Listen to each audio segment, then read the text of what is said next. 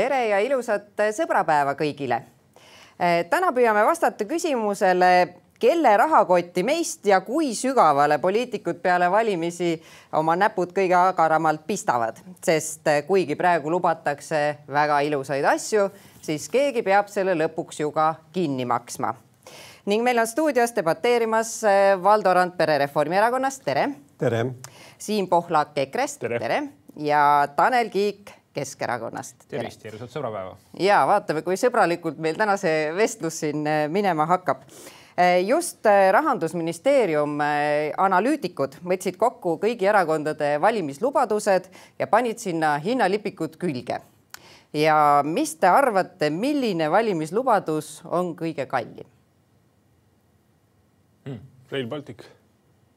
Noh, ma arvan, riigikaitsekulud on kindlasti oluline investeering, mis on paljudel erakondadel see kolme protsendi tasemel hoidmine. samamoodi pensionitõus on kindlasti kallis lubadus ma arvan, et õpetajate palgatõusu äh, lubadus ehk äh, tegelikult neid selliseid olulisi äh, rahavajadusi on, on päris mitmes valdkonnas. no mina arvan, et kaitseinvesteeringud.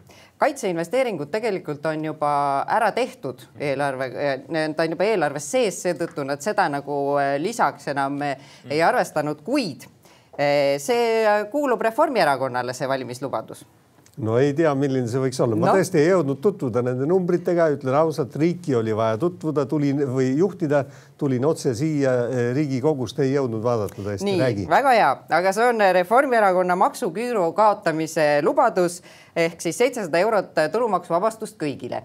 Ja äh, kui te ise olete öelnud, et see maksab kolmsada nelikümmend miljonit äh, umbes, siis nemad leidsid, et selle lubaduse hind on nelisada seitsekümmend miljonit eurot ehk ligi pool miljardit mm.. no kust te selle raha võtate? no aga seal ma soovitan ausalt öelda, homme on Riigikogus olulise tähtsusega riiklik küsi-, küsimuse arutelu ja seal just seda teemat lahatakse, kogu seda maksuküüru, maksu süsteemi. aga te öelge kohe praegu ikkagi võib-olla mõni inimene ei jõua seda vaadata homme Riigikogus, te andke vastuse ära. kus see raha ma... sa, pool miljardit, ise lubate ju tegelikult eelarve tasakaalu ja kõike muud. No see maksuküüru puhul on iseenesest no ütleme nii, et minu, minule see väljend nagu maksuküür iseenesest eriti ei meeldigi, seepärast see läheb keeruliseks, see läheb segaseks seletada. ma ütleks lihtsamalt, et me tahaksime taastada ühetaolise tulumaksusüsteemi, kus on olemas tulumaksuvabastus ja kus ei ole astmelisi tule, tulumaksu astme, tulu, tulumaksuastmeid ei ole. Praegu, praegune süsteem, selle viga on ju esiteks see, et ta Äh, ajab inimesed segadusse juba praegu ka äh, äh, deklareerimise puhul. Inimesed ei tea, palju nad järsku peavad juurde maksma, tagasi saama ja teine asi, ta võtab inimestelt ära initsiatiivi. kõige hullem on see, et, et need inimesed, keda selle süsteemi järgi klassifitseeritakse kui kõrget tulu saava, tulu saavaid inimesi, need tegelikult ei ole seda. muide, kas te teate, et eh, eksperdid eh, tõid välja, et see on eh, ikkagi jõukatele inimestele mõeldud lubadus, sellepärast et maksimaalset rahalist võitu saavad nautida inimesed alates kahe tuhande ühesajast eurost kuus, kes saavad siis lisasissetuleku aastast tuhat kuussada kaheksakümmend eurot, aga näiteks inimene, kes saab tuhat eurot sissetulekut, tema võidab aastas ainult sada kümme eurot. aga täpselt nii ongi. ehk üheksa koma kaks eurot kuus. Reformi ettepanek tähendabki igale Riigikogu liikmele tuhat kuussada kaheksakümmend eurot aastas juurde, madalapalgalistele suurt mitte midagi ja kinni tuleb see maksta solidaarselt. ehk põhimõtteliselt tähendab see seda, et kõik näiteks madalamat või ka keskmist sissetulekut teenivad inimesed peavad läbi käibemaksu, läbi muude maksuliikide maksma kinni sellesama kulu, mis läheb hiljem siis nii-öelda tagasi jõukamatele. Keskerakond on kindlasti selle vastu, meie ettepanek on astmeline tulumaks, mis on üle Euroopa eh, üldlevinud ja igasugune tegelikult ka tänane eh, maksusüsteem on oma olemuselt progressiivne, aga see progressiivsuse astet tuleks suurendada ehk jõukamad peaks maksma rohkem ja, ja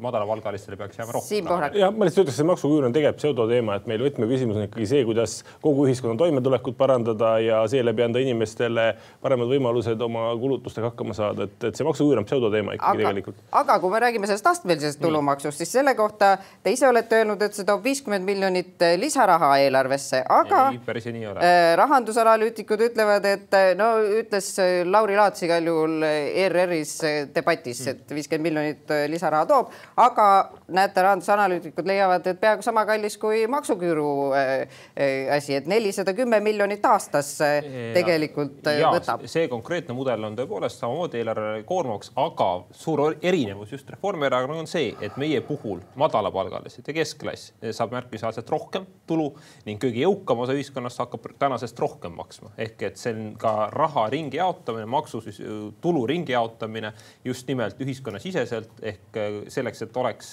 rohkem võrdsust ühiskonnas. muide, analüütikud selle kohta ütlesid jälle järjekordselt, et kõige rohkem võidavad sellest kahe tuhande ja kolme tuhande neljasaja euro vahel olevad inimesed, kes saavad tuhat seitsesada kolmkümmend eurot aastas. aga mitte lausjõukad ehk meie ettepanek on ikkagi see, et üle kahekordset keskmist palka teenivad inimesed, nemad hakkaksid maksma kõrgemat tuluastet sellelt tulult, mis ületab seda osa.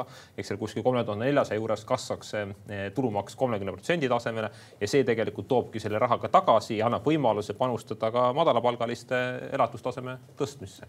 no aga Tanel, nüüd sa tegelikult kogu selle debati alguses juba eh, tuleb, tuleb välja ikkagi, et te olete jälle välja mõelnud ühe sellise astmelise käkerdise, mida hiljem tuleb jälle hakata hoitud, muutma, seal astme muutma. meil oli, meil oli, meil oli väga, las ma räägin nüüd, ma ei seganud vahele. Meil oli, varem oli ühtne ühetaoline tulumaksusüsteem, selle te keerasite nässu kusagil viis aastat tagasi, kuus aastat tagasi ja, ja tegelikult selle tulemus on ju see, et, et sinna te panite mingid astmed alates millest. Need astmed on ammu te tegelikkuses ületatud.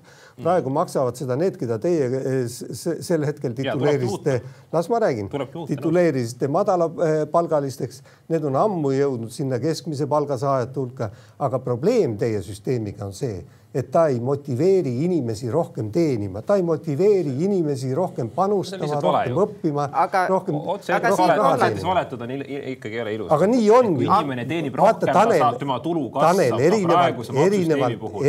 ära jäta sellist vale muljet, nagu jõukam inimene, nii kui ta rohkem teeniks, hakkaks, hakkaks kuidagimoodi kaotama, et töö käimine ei ole tasuv tegevus Tanel, Tanel, vaata erinevalt sinust, mina olen elanud astmelise tulumaksu ühiskonnas. selle ühiskonna nimi on Rootsi.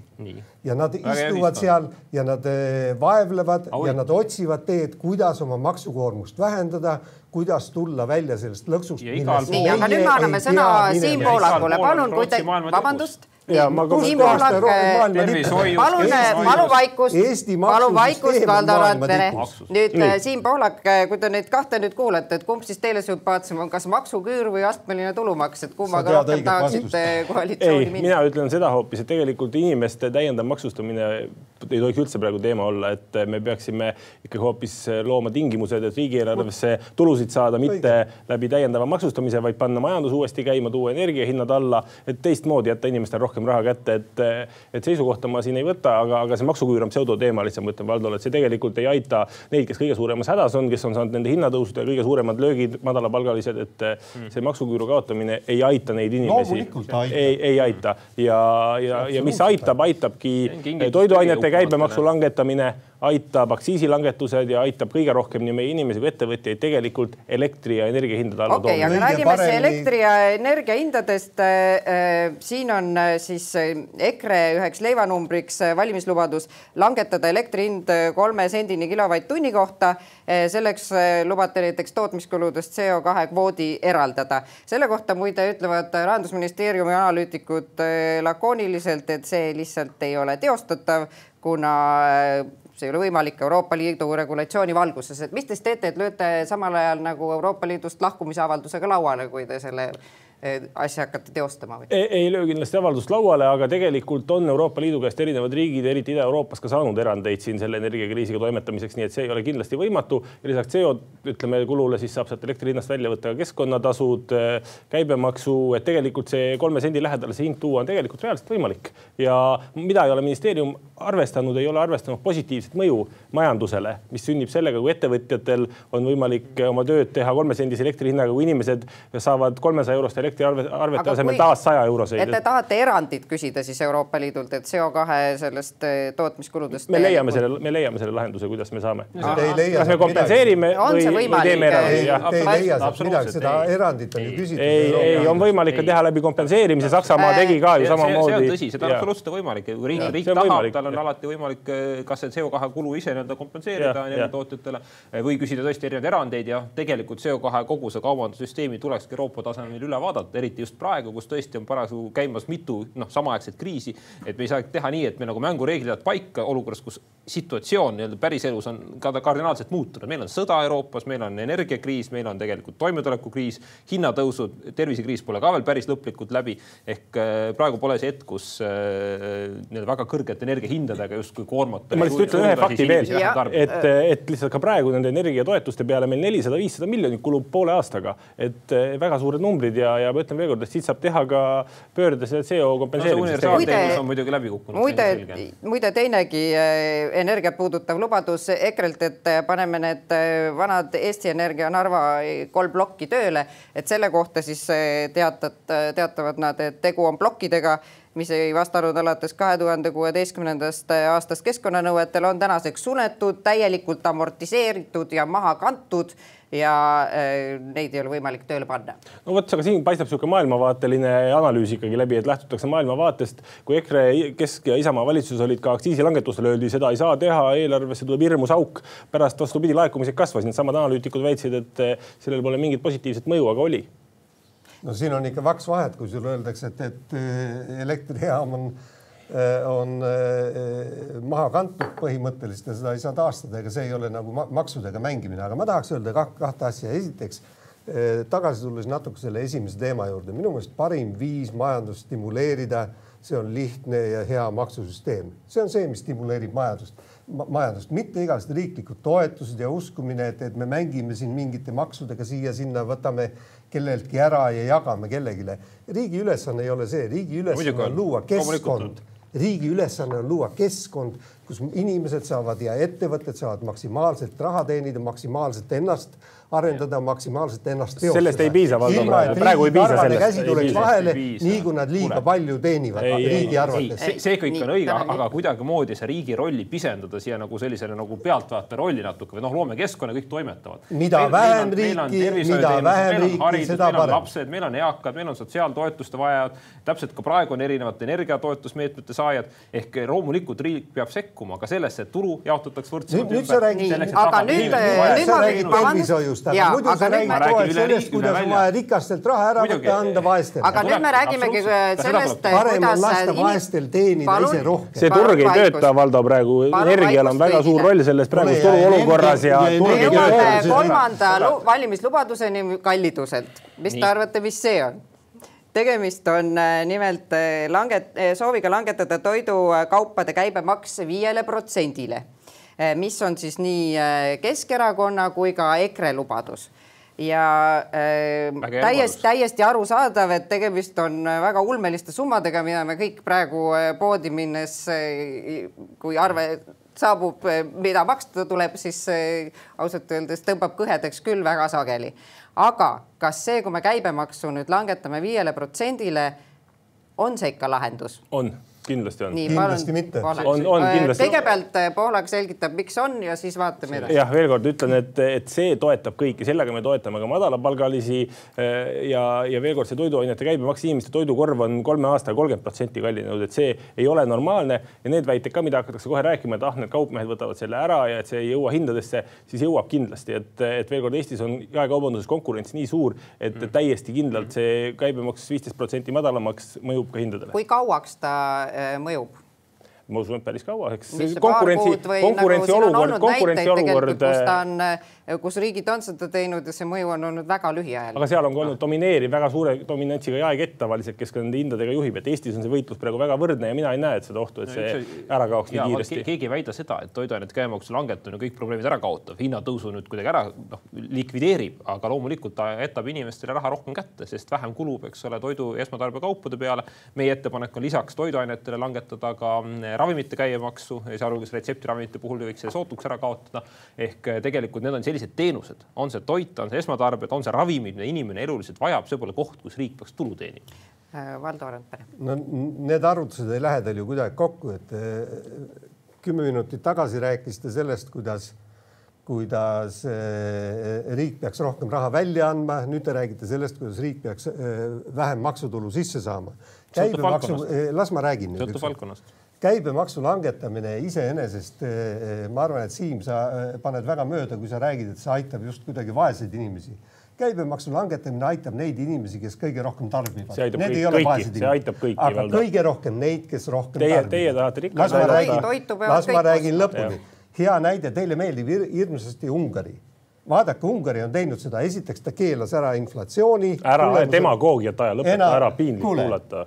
Ungari eh, inflatsioon on praegu kakskümmend seitse protsenti. Ungaris on toiduainete hinnad käibemaksu langetati, toiduainete hinnad on tõusnud nelikümmend kaheksa protsenti see on hea näide sellest, kuidas see ei toimi. fakte täiesti meelevaldselt, sa võtad ei, mingi osa inflatsioonist ma..., mingi osa inflatsioonist sai, kui sa numbritega täpselt kursis. ma võtsin eile täpselt need numbrid välja, sest ma teadsin, et sina tuled ka debatti ja ma teadsin, millest me rääkima hakkame. rahandusministeeriumi analüütikud tegelikult toovad välja küll selle äh, probleemi, et tõenäoliselt äh, väga suur osa sellest äh, võidust läheb siiski tootjate, toidutootjate ja müüjate taskusse. kui me niimoodi, kui me niimoodi mõtleme, siis me ei saa maksupoliitikas midagi muuta. iga kord me hakkame mõtlema, on see aktsiisid, on see, eks ole, käibemaks, on see kasvõi retseptiravimite puhul, et automaatselt eeldame, et niikuinii see läheb mujale, siis pole üldse vahet, ega see käibemaks on viis protsenti, sada protsenti selle loogika järgi. sellega, sellega ma nõus ei ole. mõne asja puhul on, eh, kui keegi teine on selle vea ära teinud, me ei pea seda kordama. Siim ütles õigesti, konkurents on väga tihe toidutööstus, sellega oled nõus. see on täielik, täielik jama, kui sa,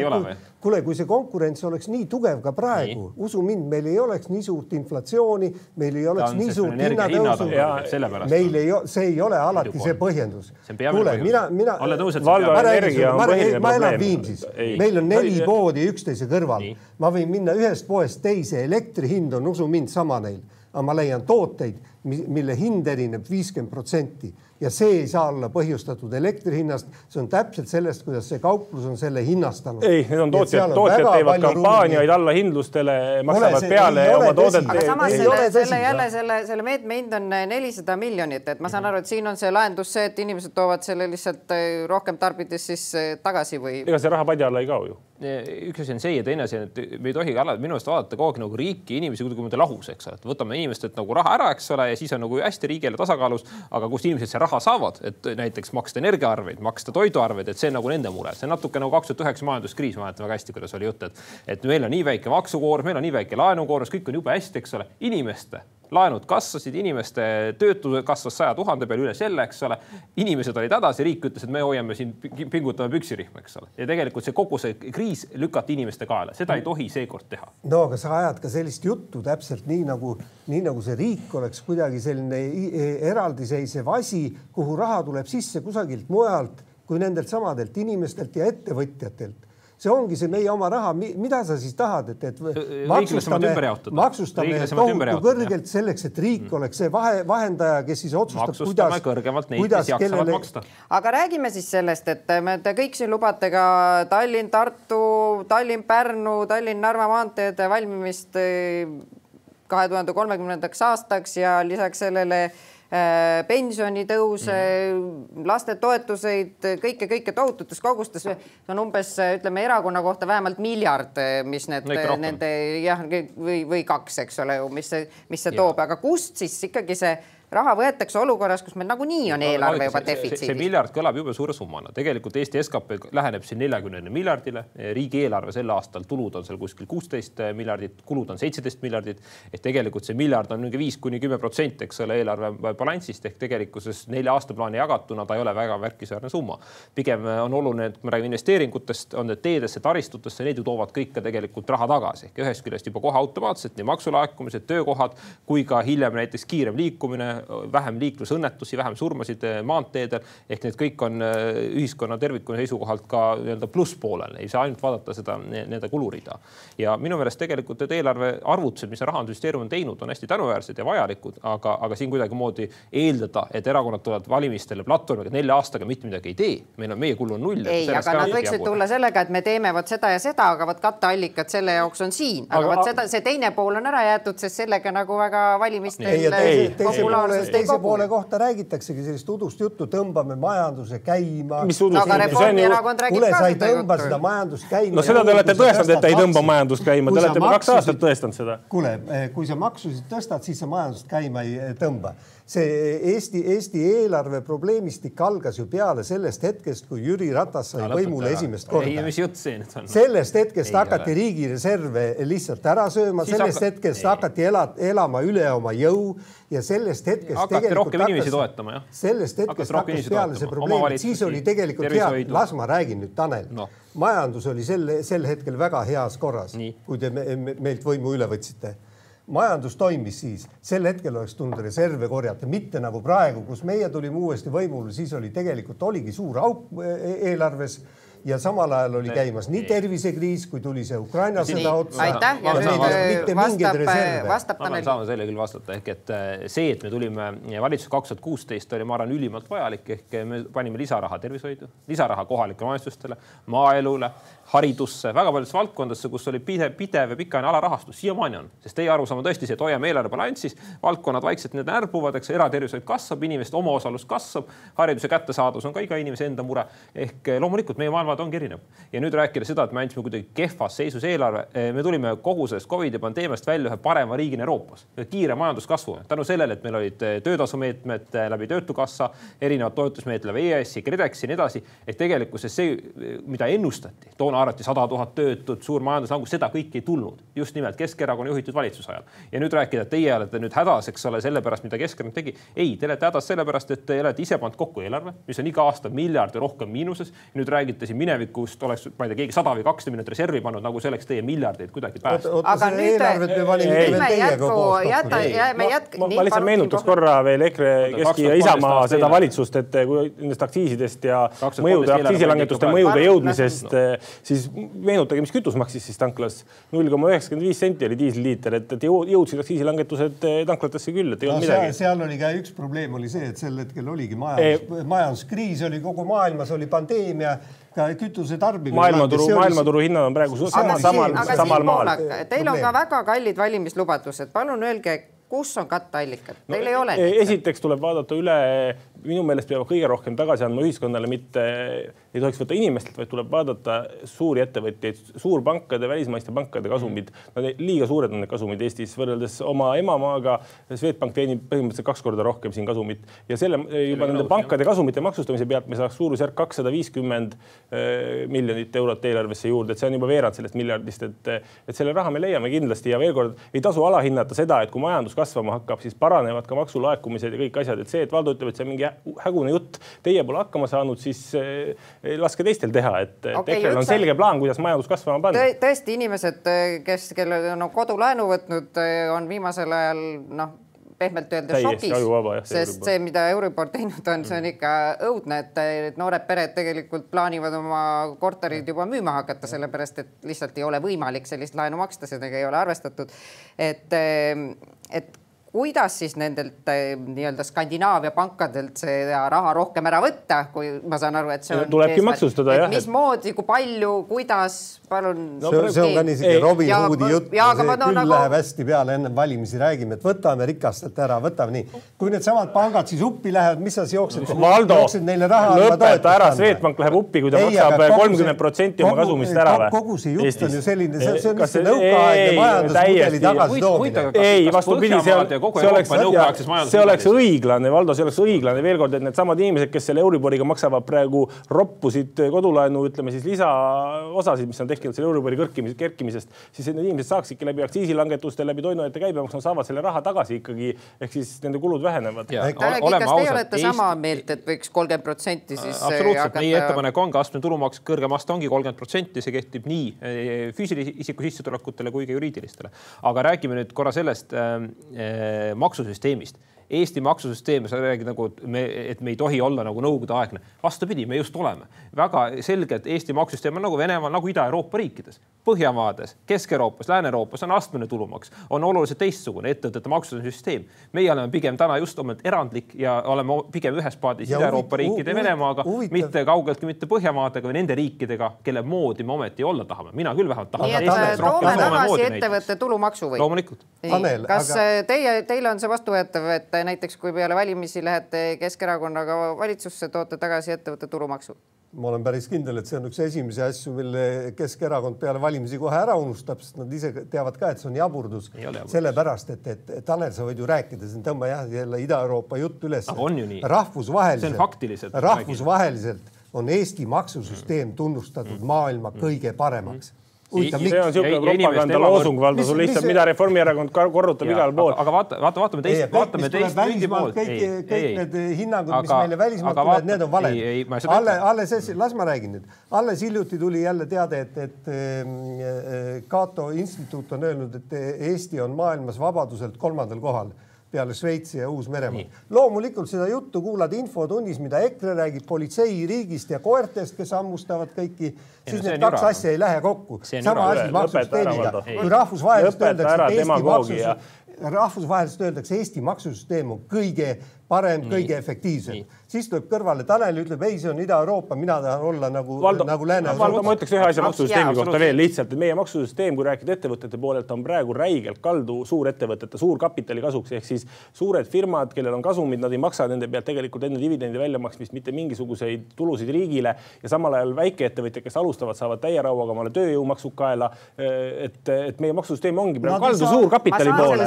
aga see on üks meede, mida pakub välja EKRE, aga mis mis on veel, ütleme, mida te, mida näiteks siis Reformierakond välja pakub? Valdo rääkis tahad... pikalt, ma klaariksin väitega.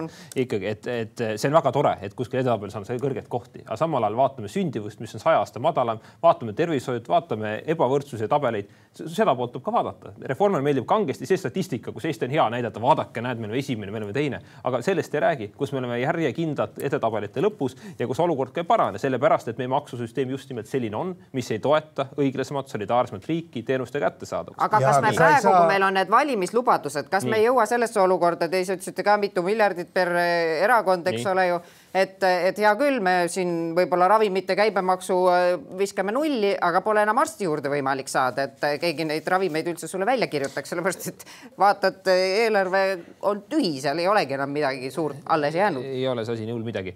tervishoid vajab loomulikult no see lause nagu. tervishoid vajab loomulikult lisaraha. No, ja kust see ma... lisaraha tuleb? konkreetne näide on näiteks, kui vaadata üle maksusüsteem, nagu me oleme teinud ka enda poolt äh, kongressi avalduse, et täna tõesti on niimoodi, et näiteks töölepingu puhul maksab inimene sotsiaalmaksu, tulumaksu, maksab töötus töötuskindlustusmaksu, kogumispensionimakse, aga siis on mingid platvormitöötajad, siis on need nii-öelda iseseisvad äh, OÜ-tajad, kes maksavad üle kakskümmend protsenti tulumaksu või võib-olla maksa üldse mitte midagi. ehk lõpetame OÜ-tamise Eesti riigis ära, on Keskerakonnal. tuleb vaadata üle see maksubaas, millelt näiteks ravikindlustusmaksu makstakse. ehk et kui me tahame ravikindlustust kõigile laiendada ja tahame, et see teenus ka oleks nii-öelda kättesaadav ka rahalises vaates eh, riigile jõukohane siis tulebki vaadata erinevate töö tegemise vormide maksustamist ja seda ühtlustada, seda ka Euroopa tasandil täna arutatakse, kuna nähakse, et sama platvormitöö ja muu on selles vaates probleem, et ta on loomulikult uus ja innovatiivne, aga ei saa olla niimoodi, et sama tööd tegevad inimesed ühel juhul maksavad täie rauaga nagu makse, nagu mm, Siim kirjeldas, ja teisel juhul maksavad kakskümmend protsenti tulumaksu või üldse mitte midagi, sest nad on nii-öelda justkui iseseisvad töötegijad. ehk et te, et te võtate OÜ-tajad nii-öelda pihtide vahele. keskkond, keskkond tuleb muuta paremaks. kõik sellised tuleb jah, ega iga OÜ ei tähenda, et ta on nagu nii-öelda maksupetis mm, -hmm. aga see, et meil on täna tõesti võimalik, et inimene teeb täpselt sama tööd, sest ühel juhul näiteks on ta võlaõigusliku lepinguga ja maksab nendest makse, teisel juhul ta on justkui mingisuguse imeplatvormi lepinguga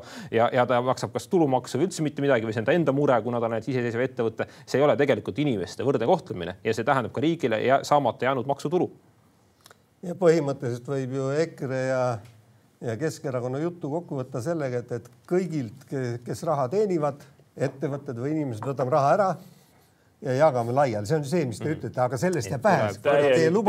Õiglasemalt ja võrdselt maksustada. aga Valdo Randpere, mis on teie lahendus? õiglasem, kuule praegu ühtlase tulumaksusüsteemi puhul maksavad eh, rohkem tulu teenivad inimesed ka palju rohkem raha kui vähem, vähem. No, praegu me rääkisime teist asjast. aga sa tahad veel astmeid juurde. mis sa teeksid platvormitöötajatega? mida? mis sa teeksid platvormitöötajatega konkreetselt?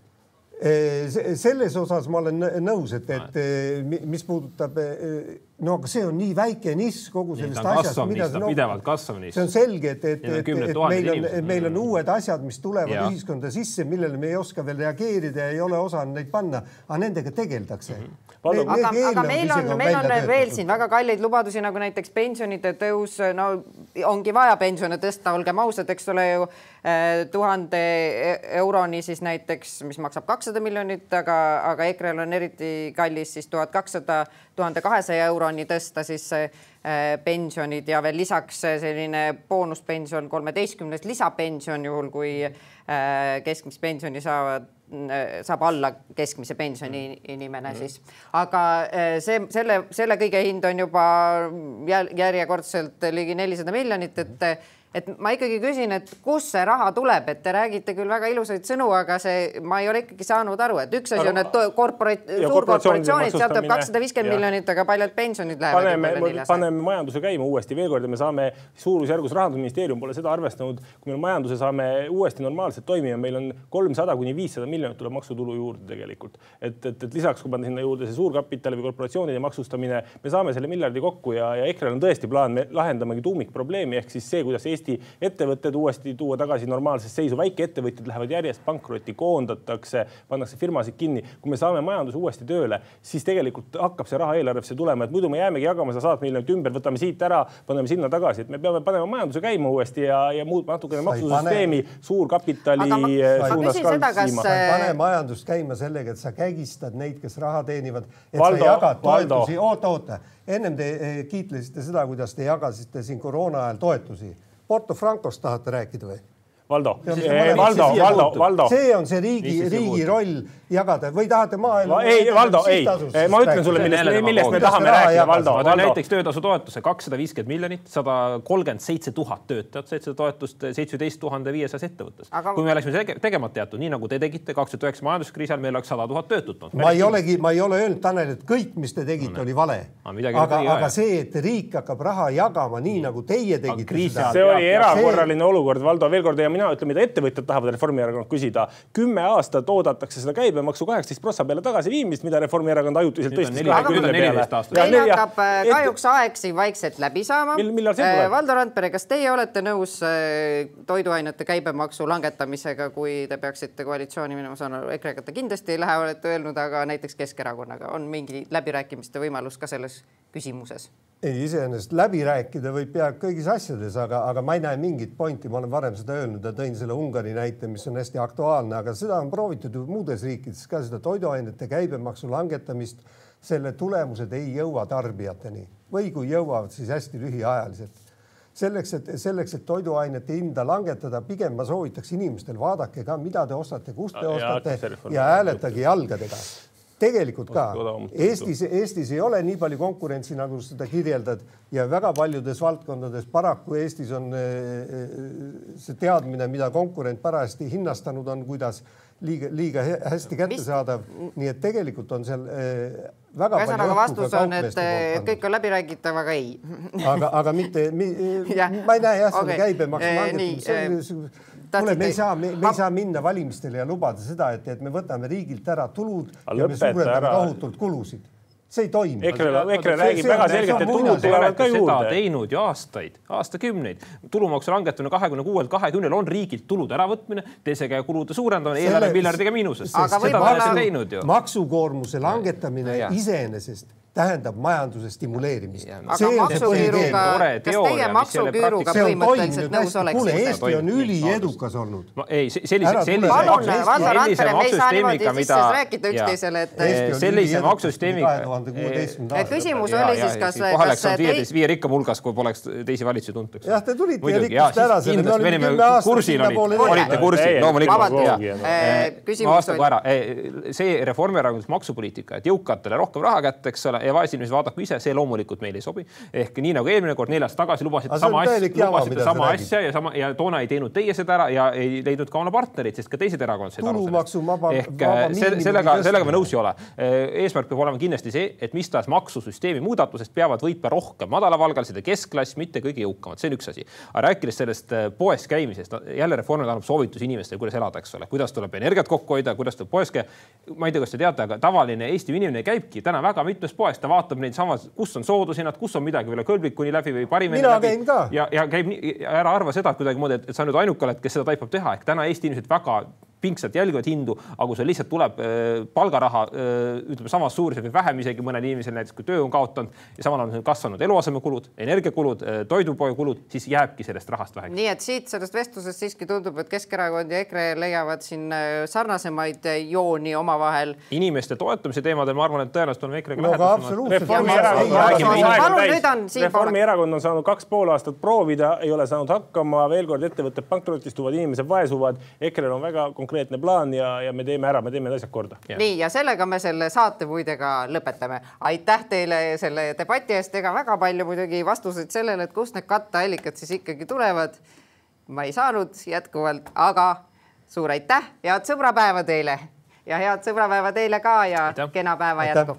aitäh. aitäh. aitäh. aitäh.